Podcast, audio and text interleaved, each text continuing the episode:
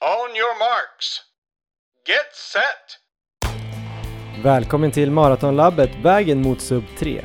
I den här podcasten följer ni mig, Johan Forsstedt och Erik Olofsson på vår väg mot att springa maraton under tre timmar. I det här 38 avsnittet ger vi varandra tips på nödvändiga finjusteringar inför Frankfurt Marathon som avgörs om exakt en månad.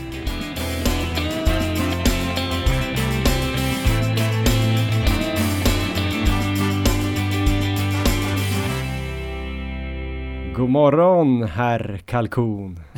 God morgon! Hur är läget? Det är bara fint tack. Hur är det själv? Det är eh, jätte, jättebra faktiskt. Ehm, toppen! Härligt! Och kalkon, ska du förklara det närmare? Ja, kanske jag la upp våra träningsprogram på Instagram här igår och eh, som vanligt valde jag några roliga gubbar eller djur, en till dig och en till mig.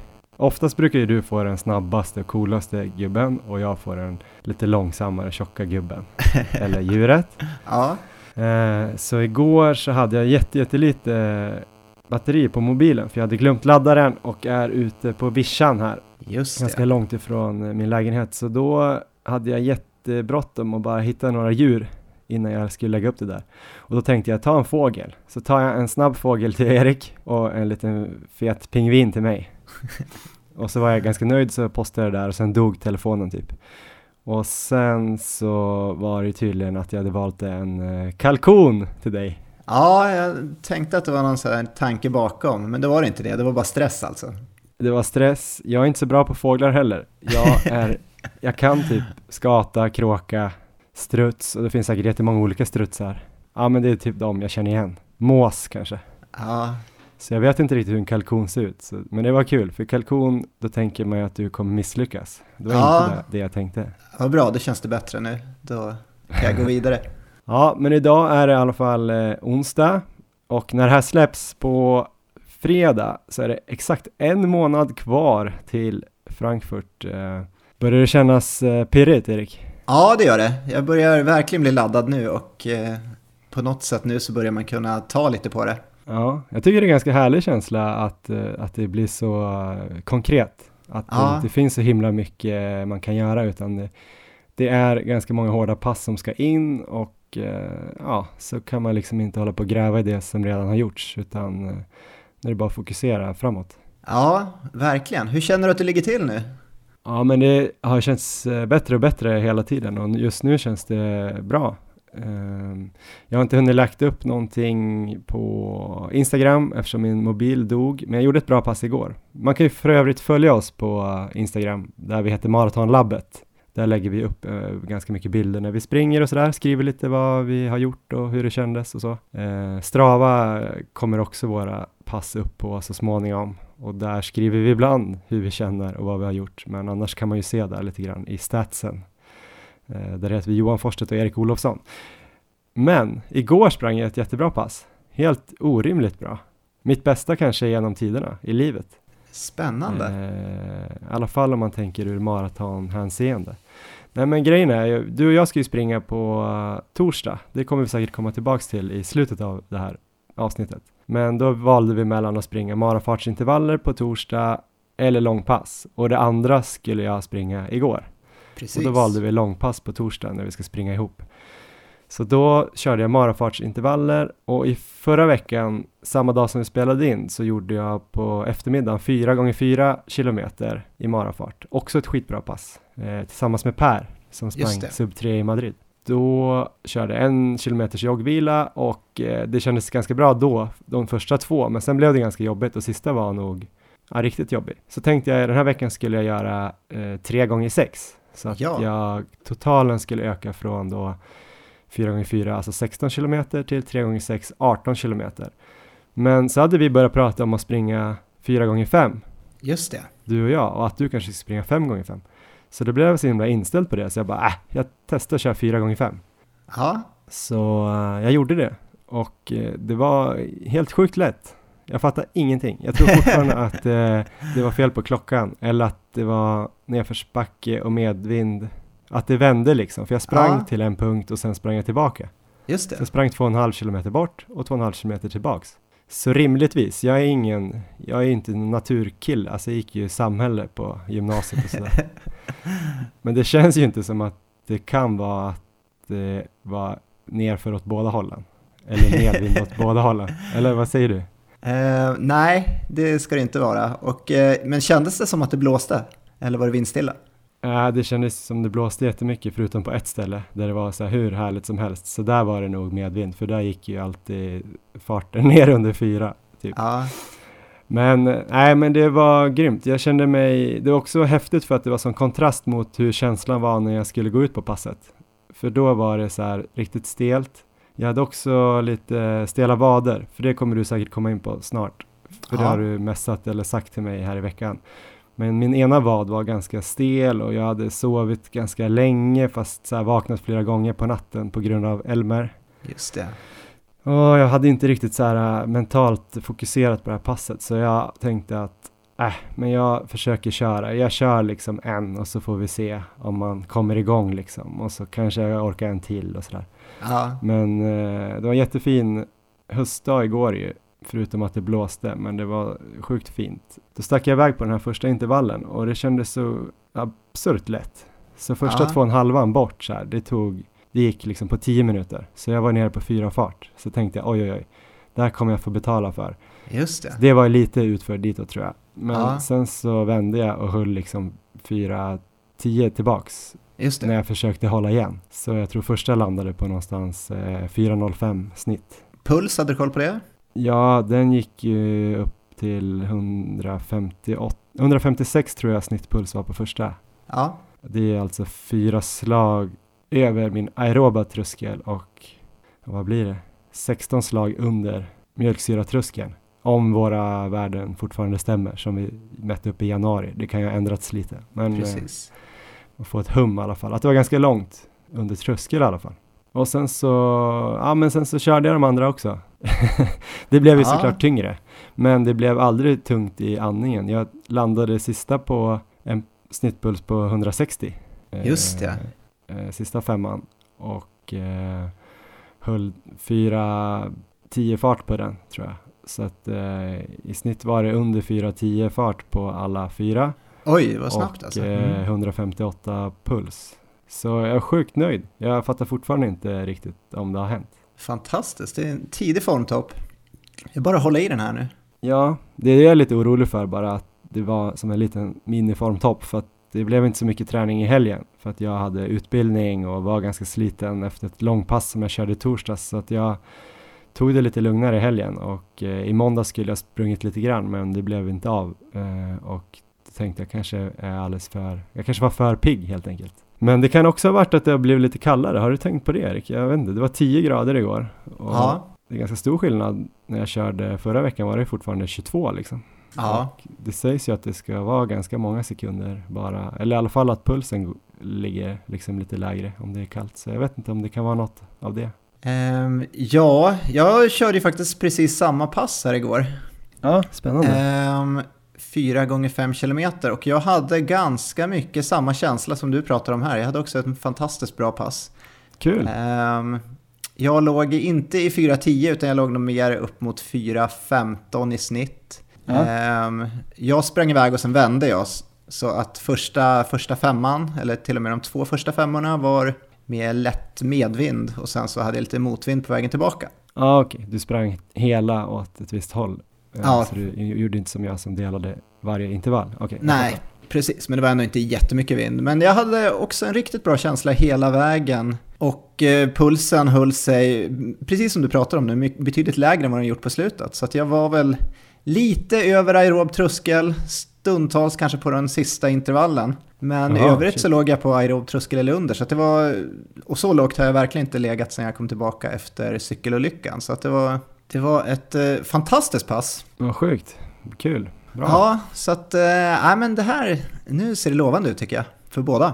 Ja, hur var känslan i benen då? För det var väl det enda som var för mig, att jag eh, kände ju inte av någonting i andningen och sådär, men jag blev lite stum i typ i höfterna, alltså att jag fick lite stelhet i höfterna och lite kanske i vaderna, att jag ville på vilan där så stannade jag väl precis innan jag stack iväg och var jag tvungen att bara dra ut vaderna lite snabbt sådär. Mm.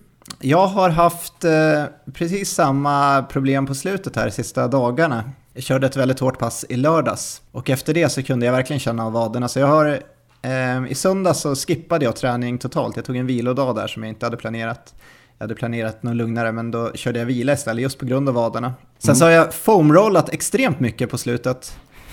Ehm, så jag har suttit med foamroller och kört på vaderna väldigt mycket och eh, bara försöker liksom återhämta benen så mycket det går emellan passen. Så att eh, när, eh, när jag var redo igår igen då efter två dagars lugnare löpning så kändes det bra igen. Det var som att jag hade återhämtat mig då, men det krävdes två dagar från det tidigare kvalitetspasset. Ehm, och efter det här passet som jag körde igår så känns det, det känns bra. Det känns betydligt bättre nu än vad det har ehm, gjort tidigare under veckan innan så att säga. Mm. Men hur många kvalitetspass har du legat på nu då, innan? Förra veckan körde jag Förra veckan körde jag tre stycken, fick jag in. Första mm. var ett, eh, då var det ju så här lite uppstartspass kan man väl säga. Då körde jag 15, 15 kilometer i marafart. Och eh, sen så hade jag marafartsintervaller förra veckan, då körde jag väl, tror jag, 4 gånger 4 kilometer. Och sen så avslutade jag på lördagen med ett riktigt hårt pass på 25 kilometer. Där jag hamnade i 4.14 i snitttid. Och det var också en, dessutom en väldigt blåsig dag. Mm. Så det var, ett, det var ett stenhårt pass. Det var, det var rejält tufft och då var jag uppe i väldigt hög puls på slutet. Men eh, jag fick in tre kvalitetspass, men eh, det känns verkligen att jag liksom ligger, och, ligger på gränsen vad, man, mm. vad jag kan köra utan att slita ut mig. Men jag tror att det kan vara bra att köra kanske två till tre kvalitetspass nu i den här perioden. För de här kvalitetspassen blir så pass långa. Alltså jag sprang ju på klockan, ja, vad blev det igår, kanske 27 kilometer eller någonting på de här marafartsintervallerna med uppvärmning och joggvilan emellan och lite avjoggning. Och sen om vi ska springa långpass där vi ska springa upp mot 40 tänkte vi på torsdag. Ja. Då har man ju liksom så 67 kilometer i två pass. Det blir ju ganska tufft att trycka in ett till riktigt bra kvalitetspass då. Och jag tror ju, alltså Christian Munt har ju lagt upp eh, lite hur Martin Öhman tränar inför något lopp här i, i våras. Ja.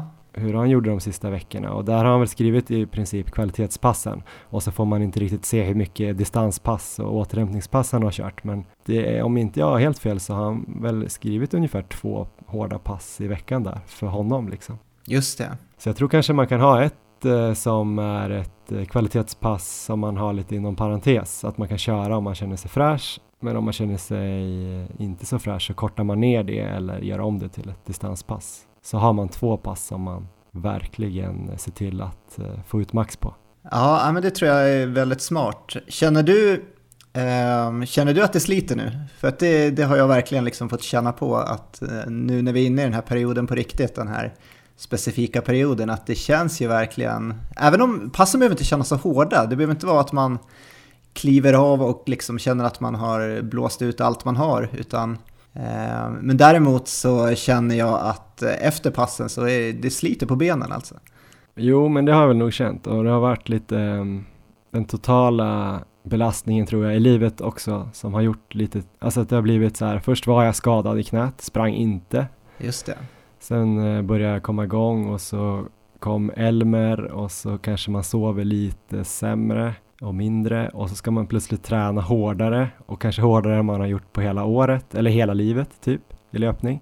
Eh, så det är kanske en lite dålig kombo. Så ibland känner jag kanske att man blir lite sliten. Så jag försöker verkligen känna efter hur jag mår och eh, ja, men typ humöret och ja. allt möjligt sådär som kan avslöja en, en en möjlig lite så här över, kanske inte överträning, men att man börjar gå upp på gränsen där. Kolla liksom pulsen när jag vaknar och sådär. Och jag kände lite i helgen att jag var lite förkylningssymptom. Just det. Så jag börjar bli lite mer sådär och tänka på hur jag mår. För att jag tror att det är sämre att börja, eller det är helt klart sämre att börja dra, dra ner sig djupt nu. Alldeles för djupt. Det är det som är det luriga med den här perioden tänker jag. Att man ska dra ner sig lite lagom djupt så att man kommer upp på formtoppningen. Ja. Men inte så att man inte tar sig upp liksom, för då är man ju körd. Precis. Och men på tal om att vi måste göra allting perfekt och känna efter och att det är liksom mycket detaljer som ska falla på plats för att vi ska fixa det här sub 3 om en månad, alltså när ni lyssnar på det här, så uh, föreslog jag förra veckan ett ämne till det här avsnittet uh, där vi skulle kanske ta fram saker som vi trodde att den andra måste tänka på för att verkligen få till det här sub 3-pusslet. Då kallade du det, Erik, eh, leak finding. Jag vet inte om det var ett pokeruttryck. Ja, det, det är det. Det finns väl säkert i många andra områden också, men just att hitta, hitta potentiella läckor i, våran, i vårat upplägg.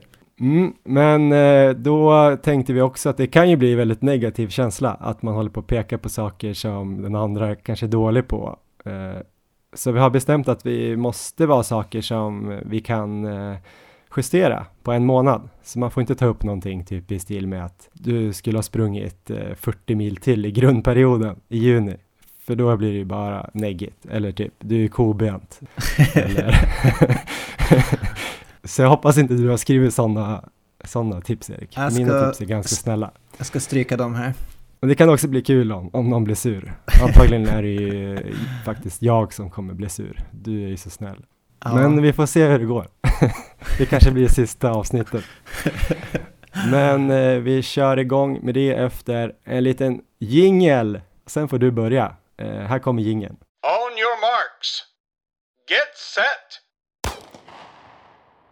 Ja, då tänkte jag vi ska börja med, vad är det man säger, så här, elefanten i rummet. Kallar man det det? Eh, det här lite känsliga ämnet som, som vi inte riktigt kan prata om, men vi måste göra i alla fall. Alltså. Och det gäller dina, eller ja, det gäller kramp. Är det någonting som du har känt av? Nej. um, för det här har vi ju pratat lite om och jag har fått den här känslan av att du blir lite irriterad på mig när jag försöker ta upp det. Det är som att du vill, eh, du vill låtsas som att det inte finns, för då finns det inte och då kommer inte hända. Men jag tänkte vi skulle, mm. jag tänkte vi skulle ta, ta det här med kramp och eh, hitta en bättre lösning på det. För jag tror, mm. jag tror inte att ignorera krampproblemen kommer vara den bästa lösningen, utan jag eh, jag lyssnade lite på avsnitt 13 av Maratonlabbet där vi hade med Stig Wiklund. Eh, Stig Wiklund pratade där om så här, mentala handlingsplaner för alla tänkbara scenarion i ett lopp. Och då pratade ju han lite om så här, om det var Johan Olsson när han körde VM och sådär, att han visste liksom om ett scenario kom upp så då hade han en handlingsplan på det. Oavsett mm. vad det liksom gällde. Och jag tycker att det är, en, det är en sån liten approach vi ska ha när det gäller Kramp och Frankfurt för dig. För jag tror mm. ändå att du kommer liksom ha det här i tankarna under loppet, även om du inte liksom vill tänka på det och lägga fokus på det, så kommer det nog, det kommer nog finnas där. Men jag tror inte det behöver vara något dåligt. Utan okay. jag tror att det, vi ska försöka få dig att liksom bli förberedd på exakt vad du ska göra om det skulle inträffa och när under loppet. Och då kan, kan det vara sådana här, såna här saker som att liksom, ska jag sänka tempot något? Har jag råd att möjligen stanna och stretcha? Eh, mm. Kan jag inta något speciellt näringsmässigt för att eh, undvika det här? Och eh, också då om du kanske ska ha med någonting speciellt under loppet som du skulle kunna ta om du skulle få känningar. Och eh, framförallt så liksom vart i loppet det här kan hända, för det hände ju i, var det i Stockholm det kom jättetidigt? Ja, efter typ 13-14 kilometer. Ja, precis. Och eh, då bara liksom ha en handlingsplan. Om det kommer efter 10 kilometer, vad, vad kan jag göra då? Och eh, hur, vad är min handlingsplan då? Om det kommer vid 20 kilometer, hur ska jag liksom hantera det? Hur ska jag tänka och vad ska jag göra? Och likadant med 30-35 kilometer helt enkelt.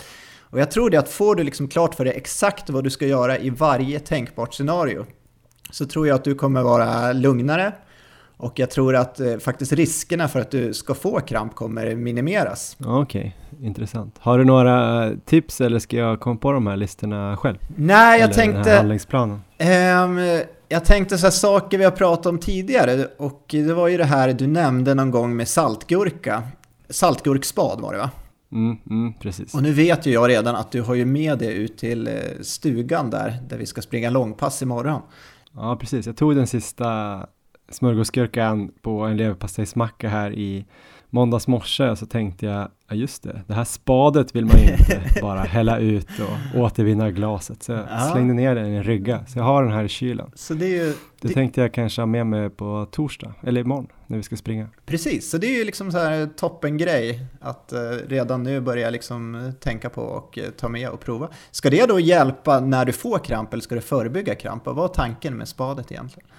Ja, men tanken är ju egentligen ganska avancerad med det här med smörgåsgurkespad. Det är ju någonting, det är ju inte att man ska få i sig saltet och det innehållet egentligen, energin i kroppen, utan det är ju att det ska påverka kroppens eh, system som eh, skickar ut signaler det här med att, eh, vi snackade ju om det i något, något avsnitt med Simon Gustafsson, om att kramp är antagligen en, eh, en försämring av kontrollerna från ryggmärgen till musklerna. Musklerna får ju signaler att de ska spännas eller slappna av beroende på i vilket läge de är och om man blir trött så kan de här signalerna att de ska spänna sig eh, bli för starka och till slut Just så det. spänner de sig hela tiden och inte slappnar av och då kommer krampen.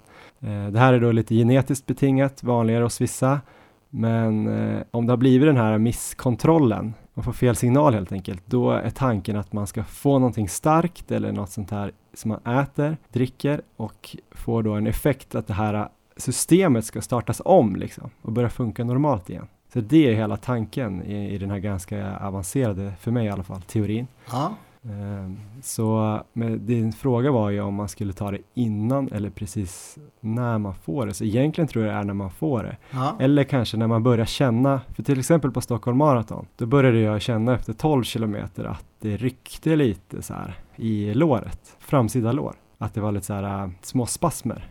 Tänk Ja. om du sätter på en sån här, äh, någon sån här elektrogrej på, på benet som gör muskelspasmer utan att du gör någonting. Du vet så här, som på TV-shop när de, man sätter på magen så här, för att få abs. Jag förstår. det, det, det körde ju du ganska mycket i början av 20 2000-talet. Nej, men då blir det kontraktioner i musklerna utan att du själv eh, styr dem med vilja. Typ lite så kändes det i låret. Så här. Jag såg att det bara, hallå, vad håller den där lilla muskeln på med? Ja. Och sen var det bara, och kanske att man känner det, då skulle man kunna ta en lite förebyggande. Ja, Och absolut. sen eh, skulle man kanske kunna ta en till om man verkligen får ordentlig kramp i, för det är främst baksidan jag fick Ja, på Stockholm Marathon. Och då kan man ta en till och, och då ska kanske kramptiden förkortas om inte annat. Det är inte säkert att det bara tar bort det. Det är inte säkert att det funkar överhuvudtaget heller, men, men, men det finns en teori. men jag tror rent mentalt, bara vetskapen att du har någonting med dig som kan hjälpa om det skulle hända, bara det kommer få dig att eh, känna lite lugnare och kommer också kanske göra att riskerna för kramp blir mindre. Just det, lite som att ta med sig paraply ut när det kanske ska börja regna, så börjar det aldrig regna då. Eh, Men Ja. däremot om man går ut utan paraply så börjar det spöregna efter fem minuter. Ja, exakt så. Okej. Ja, nej, men bra idé. Så, Och sen plus det så ska jag faktiskt köra något, några lite längre pass här nu. Eh, Så det kan kanske tillsammans göra att det kan funka.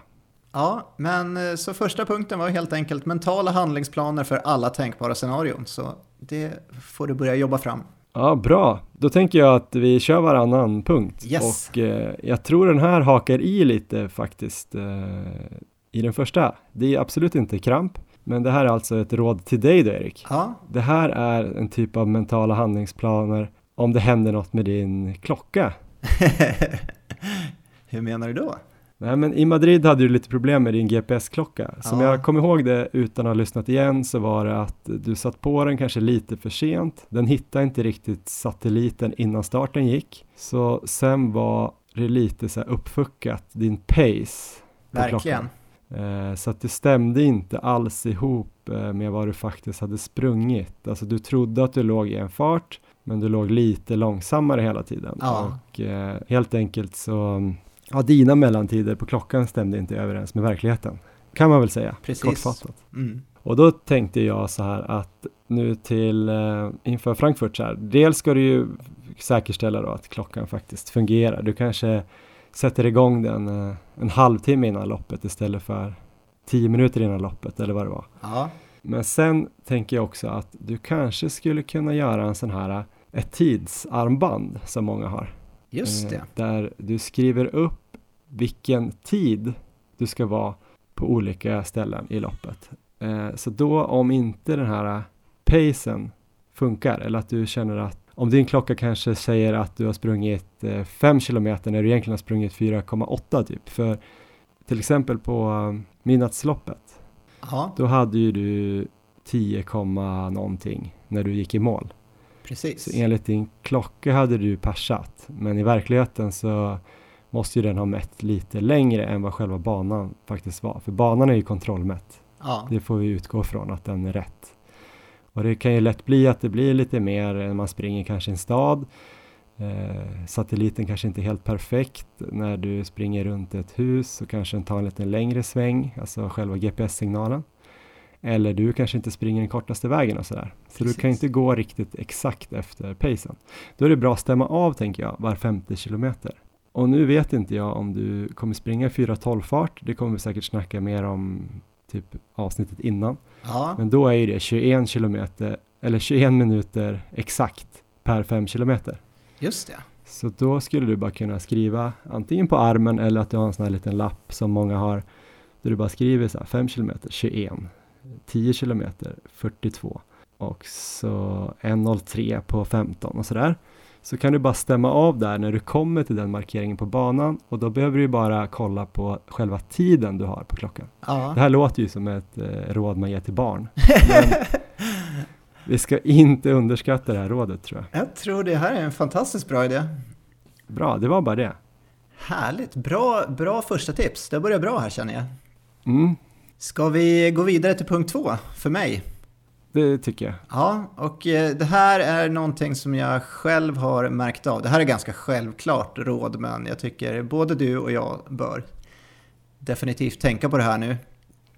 Mm. Um, en sån skillnad som jag ser direkt här mellan dig och mig, det är att jag är inte så orolig över dig på själva loppdagen i Frankfurt, utan jag litar jag nästan fullt på att du kommer göra det bästa du kan för dagen. Där är ju mer, jag är mer orolig för mig själv med taktiska val och klockor och så vidare. Det brukar vara min svaghet.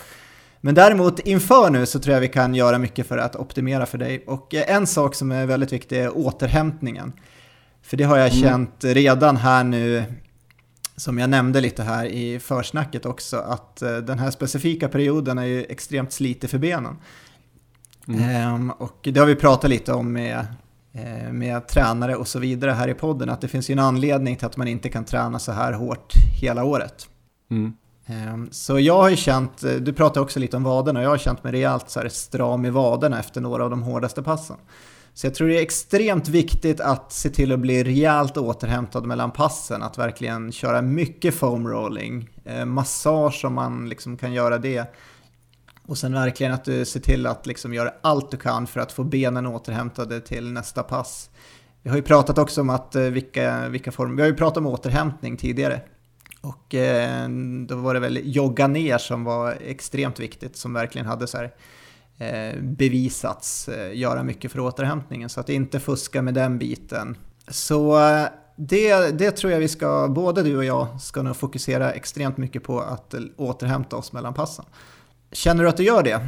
Eh, jag känner att jag har tänkt ganska mycket på det nu sista veckan och jag är ganska bra på att jogga ner och sådär och försöka börja tänka att okej okay, nu börjar nästa pass så att säga. Ja. I slutet av pass, passet så springer jag ungefär 10 minuter, joggar och försöker stretcha lite. Men det är inte alltid man hinner för passet kanske blir lite för långt eh, än vad man har tänkt och man ska in och käka eller du kanske ska hämta på dagis eller så blir det ah. lite så stressigt där i känslan. Men nu har jag faktiskt tänkt att, att jag ska försöka köra, jag har en liten så här yoga rutin som är lite ah, yoga slash stretch för ah. löpare. Den är ungefär en kvart och jag har tänkt att jag ska försöka köra den varje dag.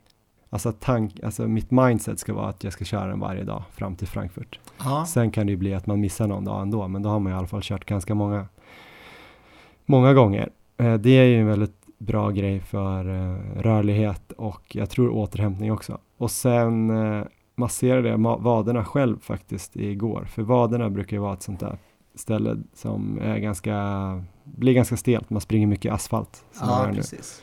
Och eh, det är också ett ställe som faktiskt är ganska lätt att hålla på och massera lite själv. Det är ju svårare att massera baksida lår själv. Då Ja. måste man ju oftast få någon att göra det. Men eh, det har jag tänkt att köra. Jag tycker ändå att det, det hjälpte rätt mycket. Det kändes mycket bättre i morse än vad det gjorde igår kväll. Så ja, jag tänker lite på det. Och vi ska faktiskt upp till Östersund nu eh, nästa vecka och vara uppe där tio dagar tror jag. Och min farsa är ju faktiskt eh, gammal idrottsmassör. Just det. Så jag har tänkt att jag ska rekrytera honom lite och köra typ eh, i alla fall eh, varannan dag eller efter de här hårda passen eller någonting. Om jag kanske kan muta dem med att de får träffa Elmer samtidigt och så kan jag få massage eller något sånt. Vi får se. Ja, men det låter bra. Då har vi en bra plan för det. Grymt! Den har jag på dig också så den kan jag, kommer jag kunna stryka sen, den punkten. Just det. Eh, jag tror inte att jag har så mycket, jag kan ju lägga till det då direkt nu så jag, behöver jag inte ta den punkten sen. Men då tänker jag bara det här med vaderna där och att du har ju en, du är väldigt ambitiös i din löpträning Ja. men att du ska lyssna på kroppen här sista tiden att, och tänka att du ligger väldigt bra till, för det gör du. Ja. Du ser verkligen ut som att du springer mot ett eh, enkelt sub 3. Så det du kan misslyckas på är ju att du kör för hårt och tränar ner dig och sen inte får ut det här som du har i kroppen. Så jag tror inte du ska vara orolig alls för att stryka pass här och där istället för att riskera att gå ner dig. Ja. Så det var typ det, förutom det du sa. Ehm, kanske cykla istället ett pass, ett återhämtningspass. Kanske inte behöver någon mer belastning på vaderna. Kanske du kan cykla 45 minuter istället. För Precis. springa ett distanspass 45 minuter. Ja, ja, men det tror jag är bra. Yes, men då tar jag nummer två här Ja. På min lista till dig. Eh, energiplan. Ja, jag vet att spännande. vi snackade om det ganska nyligen. Ja, så pratade vi om det eh, bara för några avsnitt sedan och vi har snackat om det tidigare i våras och eh, samma här, det blir mycket nu att jag pekar på Madrid men det är för att jag är ganska övertygad om att du trots någon liten sjukdom där några veckor innan så känns det som att du hade sub 3 i kroppen den dagen men jag tror faktiskt att du kastade bort det lite på grund av klockan, lite, eller väldigt mycket på grund av att den var backig. Det, det var inte ditt fel ja, men också energin. Ehm, jag tror inte det var optimalt att springa med smågodis i fickorna. det, det har jag nog lärt mig nu också tror jag. Ja, det har du ju lärt dig. Då Ja. har du gått till den här äh, nya grejen som du kör, den här. Den Ja, här äh, superstärkelsen som du ska ta som ska eh, sippra ut lite mer långsam eh, energi. Eh, Hålla, som jag fattar det, du har ju pratat om det några gånger, men eh, lite att det ska hålla bättre blodsockernivåer i, i kroppen genom hela Ja. loppet och att du inte ska behöva käka lika ofta för det här ska ligga och sippra ut i lite lagom takt. precis. Det här är inte säkert att det är en eh, punkt som säger att du inte ska testa YouCan. Ja, Det är bara det att jag vill att du verkligen ska vara helt säker på att du ska testa YouCan. Ja. För jag vet typ ingen i Sverige, ja, nu kanske jag överdriver, jag, har inte re, jag har inte researchat någonting, men jag har ju aldrig hört någon som har kört det här. ja, Däremot så läste jag lite mer om det igår, för jag skulle kolla om vad folk sa, och det är ändå ganska många. I USA känns det ganska vanligt ja, eh, och ganska duktiga löpare som verkar ändå ha gått över till det här. Eller att de kör någon sån här blandteori eller blandenergiplan, liksom att de kör YouCan och gels kanske i slutet eller någonting. ja, Men eh, jag tänker bara att du ska eh, fundera på om du verkligen har provat det här tillräckligt. För det kan ju vara en strategi som är mycket bättre än att köra då. Alternativet skulle ju vara att köra gels och Ja. sportdryck typ, som de flesta gör kanske. precis. Och du tar ju en ny väg här och då känns det ju dumt att, att, att misslyckas med den nya planen istället för att ta något gammalt beprövat som ändå funkar för de flesta. Ja, jag förstår precis. Så det är bara att du ska tänka lite, hur ska du få med dig kanske den här andra eller tredje dosen eller du ska ha mer än någon dos som jag fattar det. Du ska också behöva dricka vatten och elektrolyter som jag förstår det. Ja, Ehm, kan du tänka dig att köra gels typ eh, sista 30-45 minuterna för att få lite extra socker, rush in i systemet för en spurt eh, sista milen kanske? Um, Ja. Hur vet du att det här UCAN funkar? Du pratade ju lite om det bara här något avsnitt sen, så det tyder ju på att det ändå funkar. Har du kört det något mer och sådär? Jag har kört det nu en 3-4 pass tror jag, på mina långa hårdare pass. Och eh, mm. jag skulle nog säga att jag tycker det funkar. Sen så, eh, det är väl bara något pass jag har där jag verkligen har liksom kört UCAN mot ingenting och kört samma pass. Men där såg jag ändå en klar skillnad, så jag tycker jag tycker det har fungerat bra för mig. Sen så är det, det är väldigt svårt att jämföra med hur jag skulle... Jag kan inte säga att jag har provat med så här gels och sportdryck exakt som jag skulle kunna göra på en mara. Och eh, tanken, eller anledningen till att jag inte går på den planen är att jag, haft, jag har mått extremt dåligt när jag har kört på det förut. Jag har väldigt svårt att ta de här gällorna. Eh, så att det är dels att jag springer runt och mår dåligt, känns ju sådär, och sen just att jag har svårt att liksom få i mig det på den vägen. Eh, men jag har provat det några gånger nu och det har, det har verkligen känts som att det, det, fungerar. Sen så vet jag att jag kommer vara tvungen att ta någonting på slutet, så då är det mer frågan vad jag ska ta in där på slutet, om jag ska bara köra en banan typ, eller om jag ska ta en gel, eller om jag ska blanda en sån här UCAN-gel och ta med, där man liksom blandar det här pulvret och, eh, med vatten. Just det. Det provade jag att göra i Stockholm tror jag, då fick jag aldrig använda den ehm, eftersom att jag bröt. Men jag kommer ihåg att när jag kollade på den sen så hade jag hade totalt misslyckats med att blanda det där på ett bra sätt. Så mm. jag hade nog knappast fått i mig den där i vilket fall. Så det var, um, ja, så äh, men det är en jätte, jättemotiverad eh, fråga, men jag, tro, jag tror på det här och det känns, ju, det känns ju roligt att testa en liten annorlunda väg. Så här nu när vi mm. heter Maratonlabbet också. Men framförallt så tror jag för mig personligen att det här kommer vara en bättre väg än att köra på det klassiska med gel och sportdryck. Det här var eh, famous last words inför Madrid också. Bara, då var det, lösningen var godis istället för juken. Ja. Men det var exakt samma resonemang. Ja, får se, får se om jag misslyckas nu i, eller det kommer jag inte göra, men skulle det, skulle det inte gå vägen i Frankfurt med det här så eh, ja, jag får väl köra, köra barnmat också och sen så någon gång nästa år kanske jag provar det klassiska. Bra att du har tänkt igenom det och hunnit testa det. Du har några pass till ju. Imorgon ska vi ut och springa också så då kommer jag definitivt eh, testa det och köra precis, precis det upplägget som jag då tänker köra i Frankfurt. Så får du se det så här på nära håll hur det ser ut. Härligt.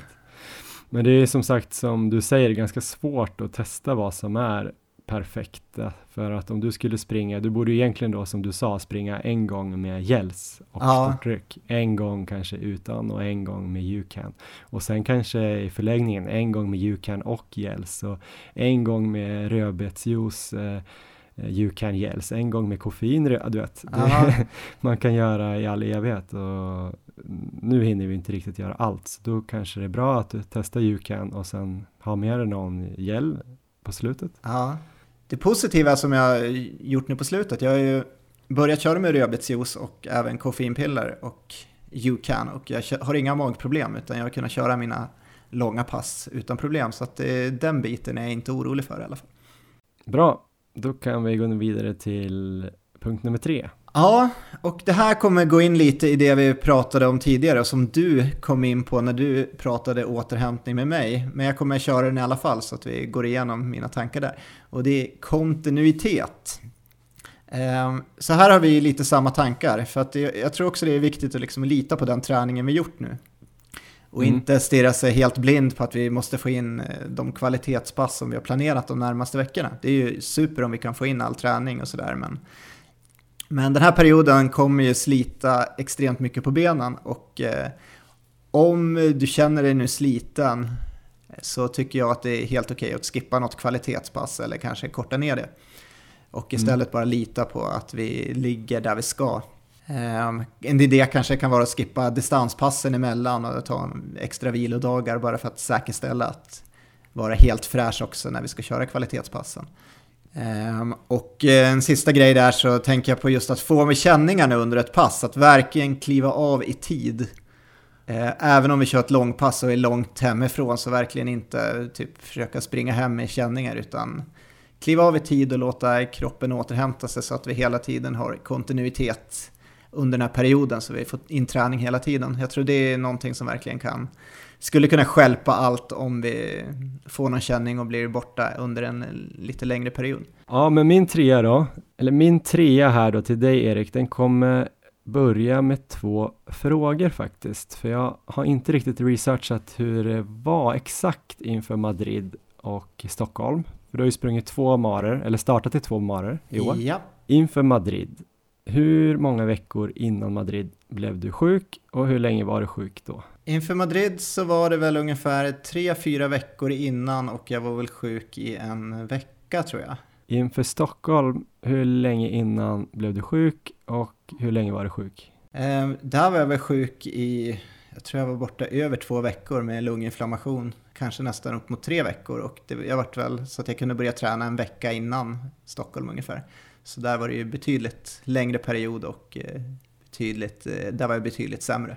Känner du dig så här i efterhand nöjd med att du blev sjuk sådär några veckor inför båda marorna? Kändes det som optimalt? Nej, verkligen inte.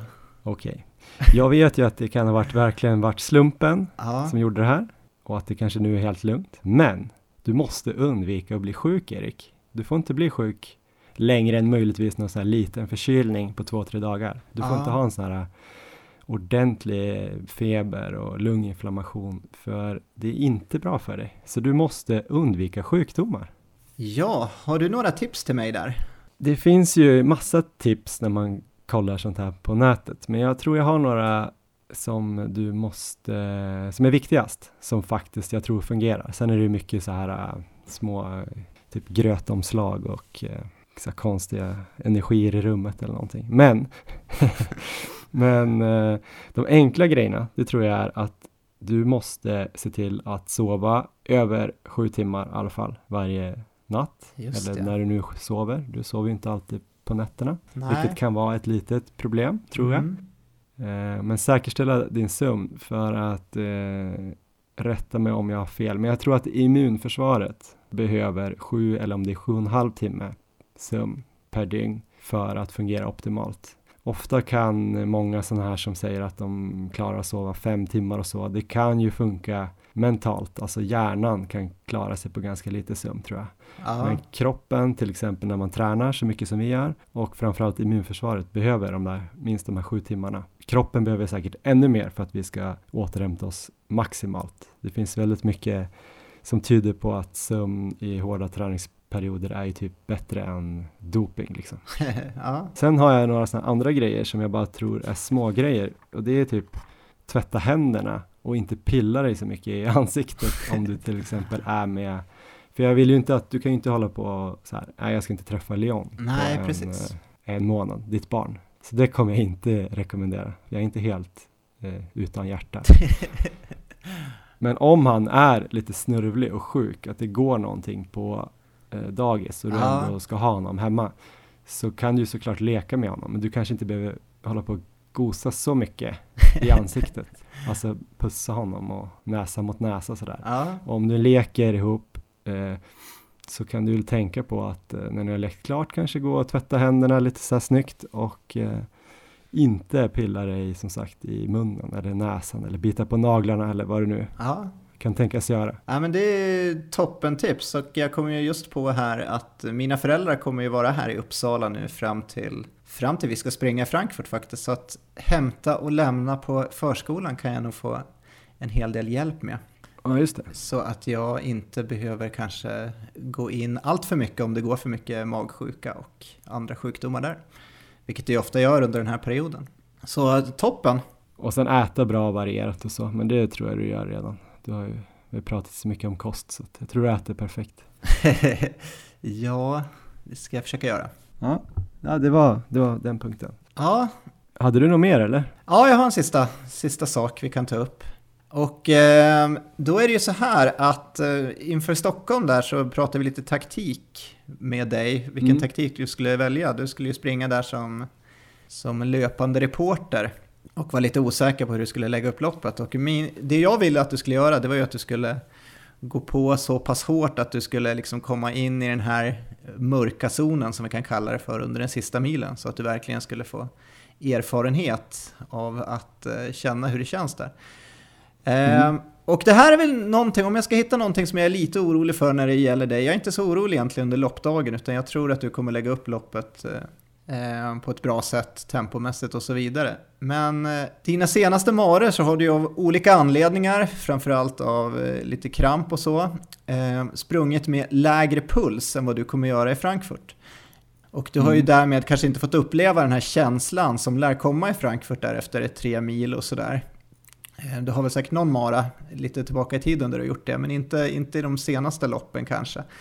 Så det jag skulle vilja att du gör nu eh, är att du tar varje chans nu inför loppet att under träningen mentalt försöka visualisera vad som kommer hända i Frankfurt där. Och eh, jag kan ta ett exempel här. Jag sprang ju i lördag så sprang jag 25 km i marafart. Och då eh, sprang jag första 9 kilometerna, då hade jag medvind, stark medvind. Ehm, och det gick jättelätt. Men sen så vände jag och sprang tillbaka efter 9 kilometer. Och då hade jag istället så 9 sekundmeter i ansiktet och eh, försökte ändå hålla tempot hyfsat nära marafart. Och det som hände var då att jag fick jobba i mycket högre puls än vad jag normalt får göra. Men däremot så var jag ju uppe i, eh, ja, jag kanske var uppe i 165 puls, vilket är en puls som jag kanske kommer ligga en bra bit in i maran på i Frankfurt. Så att eh, med då 16 km kvar av det passet, då visualiserade jag att jag var kanske ungefär 26 km in i maran och tänkte att okej, okay, men nu pulsmässigt så kommer jag ha ungefär samma känsla nu under resten av passet som jag kanske kommer ha i Frankfurt. Så att nu, nu visualiserar jag att jag är där och eh, nu ska, jag, nu ska jag jobba hårt för att liksom ta mig igenom det här. Mm. Och eh, det kändes jättebra det passet, även, och på slutet så var jag uppe i riktigt hög puls, eh, precis som jag kommer vara i Frankfurt och fick ju verkligen pressa där och avsluta på ett bra sätt. Så att jag tror att det mentalt så kan man lite få känna på den där känslan ändå om du, eh, om du leker lite på träning och eh, visualiserar under dina pass. Så det skulle jag vilja att du gör så att du mentalt kan vara förberedd när när vi kommer in där över tre mil i Frankfurt och ska göra det här sista jobbet. Mm. Eh, det som är så bra nu med den här specifika perioden är ju att den är så pass hård så att nästan alla de här eh, marafartsintervallerna och långpassen med typ fartökning eller något liknande Aha. blir ju ändå så att man kommer in i den. Sen kanske man inte ligger kvar i den där zonen lika länge som man eventuellt måste göra på Frankfurt. Precis. Det kanske inte är så att jag går in, eh, nu hade du 16 kilometer där, det var ju bra ja. i motvinden.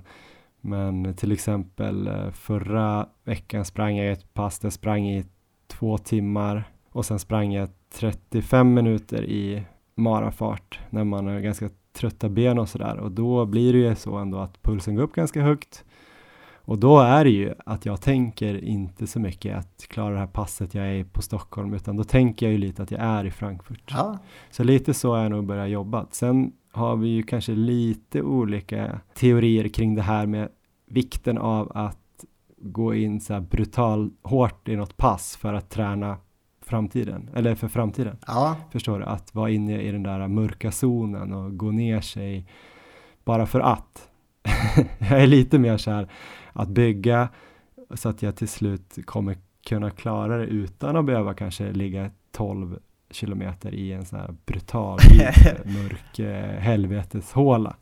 Men eh, jag förstår att eh, vad du säger och jag ja. kan hålla med om att jag kanske inte skulle ranka mig själv som om man skulle säga 1 till 10 på att plåga mig själv skulle jag inte sätta en 10 eller en, kanske inte en 9 heller men kanske en 8 8, 9, 8, ja du vet. Så det är inte, jag är inte katastrof på det, men jag förstår vad du tänker och jag ska jobba framförallt mentalt så där, som du var inne på. Att eh, visualisera, visualisera Frankfurt mycket. Toppen. Jag tror att, eh, kanske inte 12 kilometer, men jag tror alltid i en mara så kommer man nå den där zonen. Man tror det kommer kännas lätt, men någon gång där på slutet så kommer man vara inne i den. Men förhoppningsvis behöver det inte vara 12 kilometer, utan det kan vara lite, lite kortare än så. Ja, nej men eh, då så ska jag sätta upp en, eh, vad säger man, en handlingsplan för att ta itu med de här olika punkterna du har gett mig. Ja. Och sen så tänker jag också att vi här också ska tänka på vad vi faktiskt har gjort bra här i slutet nu. Att vi har gjort bra det här året. Vi har ju tränat en jävla massa Ja, jämfört med vad vi har brukat. Och, och Madrid skulle jag säga att eh, själva förberedelserna inför loppet, i alla fall för mig, var ju prickfria. Alltså det var väldigt bra det här med att vi käkade tidig lunch och ja, hur vi åt och kosten för mig funkade bra och allting för dig inför loppet funkade väl egentligen bra förutom att klockan sen då strulade lite.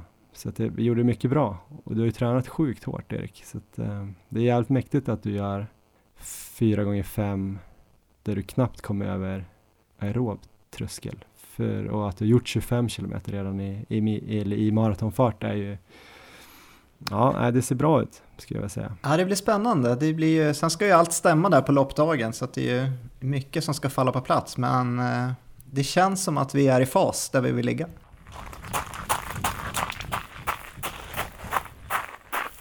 Ja men vad bra Erik, det här känns faktiskt eh, bra att vi har fått sammanfatta lite vad vi måste göra här sista månaden. Eh, vi ska ju träna också och eh, nästa vecka är ju en fortsatt eh, hård och eh, viktig vecka. Eh, och från och med nu så börjar den ju med ett långpass som vi ska springa imorgon. Ja, Vi kanske ska börja snacka lite om det. absolut. Jag är ju i något som heter Morgongåva, några mil väster om eh, Uppsala och du kanske kommer ut hit och springer ett långpass med mig imorgon. Det gör jag definitivt. Vad ska vi köra? Ehm, ja, du, har du något bra upplägg som du redan har bestämt eller? Nej, men jag har tre olika pass som jag vill köra inför eh, Frankfurt. Det är inte säkert att jag kommer hinna köra alla tre, men jag kommer försöka köra två av de här tre. Eh, så du kan få välja lite vad du tror blir bäst. Härligt. Ett pass är eh, lite så här Malin Starfelt inspirerat. Ja, Eh, Hon berättar ju i något avsnitt ehm, om ett långpass hon hade kört hon hade kört, tror jag, om det var två och en halv kilometer uppvärmning.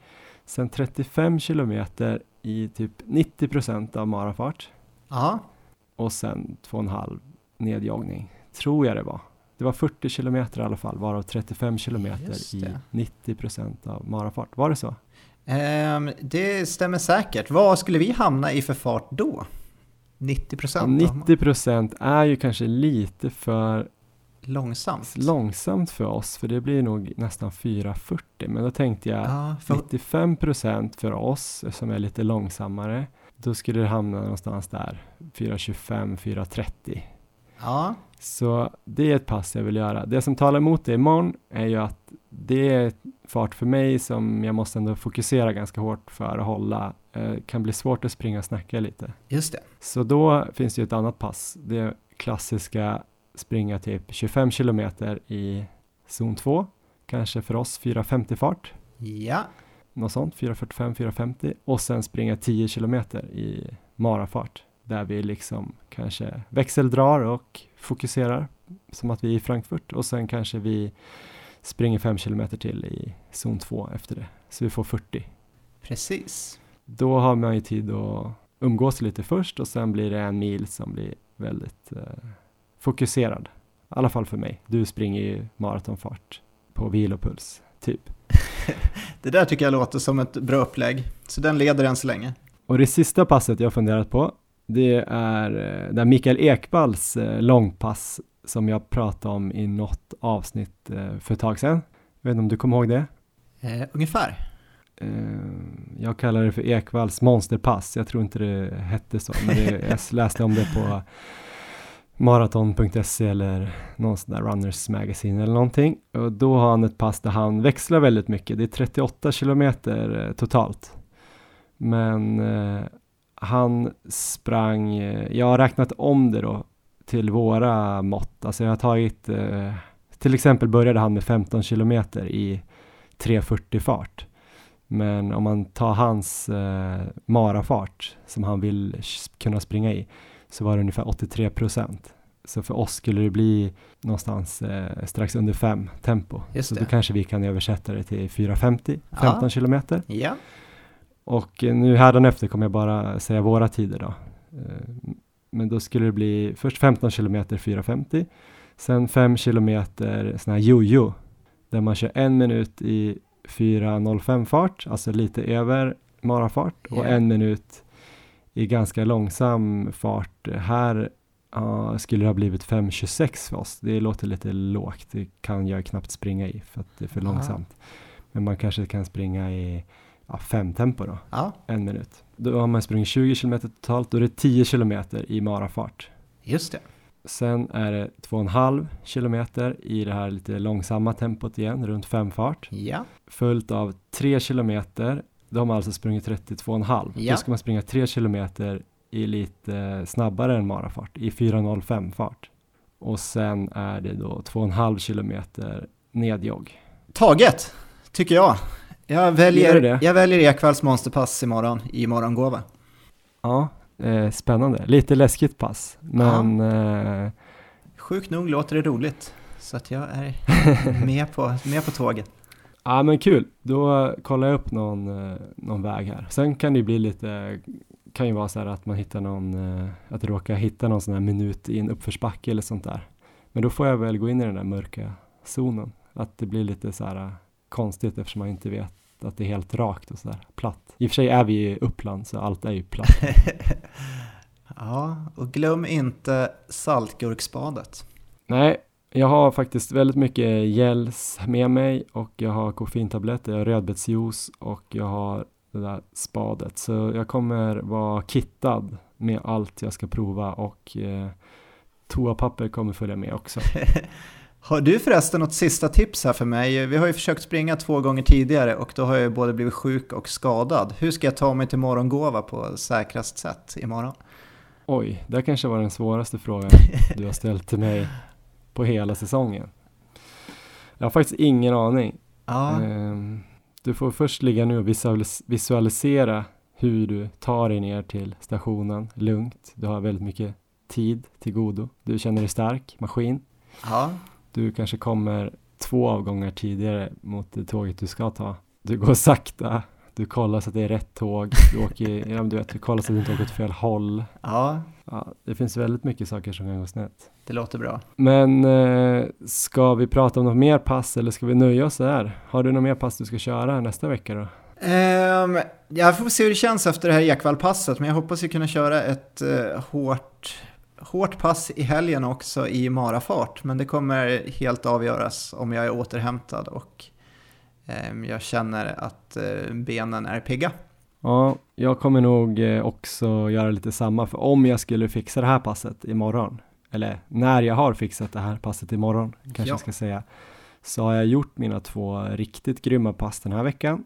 Så då kommer jag ta det lite lugnare fredag, lördag och sen söndag jag funderat på att köra lite, ehm, lite intervaller, 800 och 400 men inte sådär extrem många och inte extrem fart. 800 i halvmarafart och eh, 400 i 10 km fart för att eh, underhålla den här aeroba powern och det. snabbheten lite grann. Men där känner jag också att är jag inte fräsch så kommer jag antingen bara korta ner det eller ja, sticka ut och jogga och må bra. Sen eh, nästa vecka där har jag ju tisdag har jag inlagt 4 gånger 5 km i marafart. Men det har jag redan gjort nu. Just Så det. det får vi väl se om det blir att jag kanske... Jag funderar lite på att köra 7, 6, 5, 4 i marafart. Just det. Eh, att det skulle kunna vara en, en eh, upptrappning, progression från den här veckan. Att jag får, eh, då får jag 22 kilometer i marafart och så får jag utmana mig lite med en 7 och en 6 där. Men å andra sidan kommer det gå neråt så det kommer vara lite mentalt skönt. Eller så med din, dina tankar kanske ska gå åt andra hållet, 4, 5, 6, 7. Så blir det riktigt jävla jobbigt i slutet. Jag får lida lite, må Ja. dåligt och jobba upp, eh, upp mig ur den där mörka zonen. Ja, eh, ja, det funkar båda. Ja, vi får se. Men det ska bli kul att du kommer hit imorgon, om du kommer hit i helt skick. Ja, Men ja, jag hoppas, jag håller tummarna för att det blir av. Eh, ha det bra Erik. ha det bra. Ses nästa vecka. Eller hörs nästa vecka ska vi säga. Ska vi ta om det där?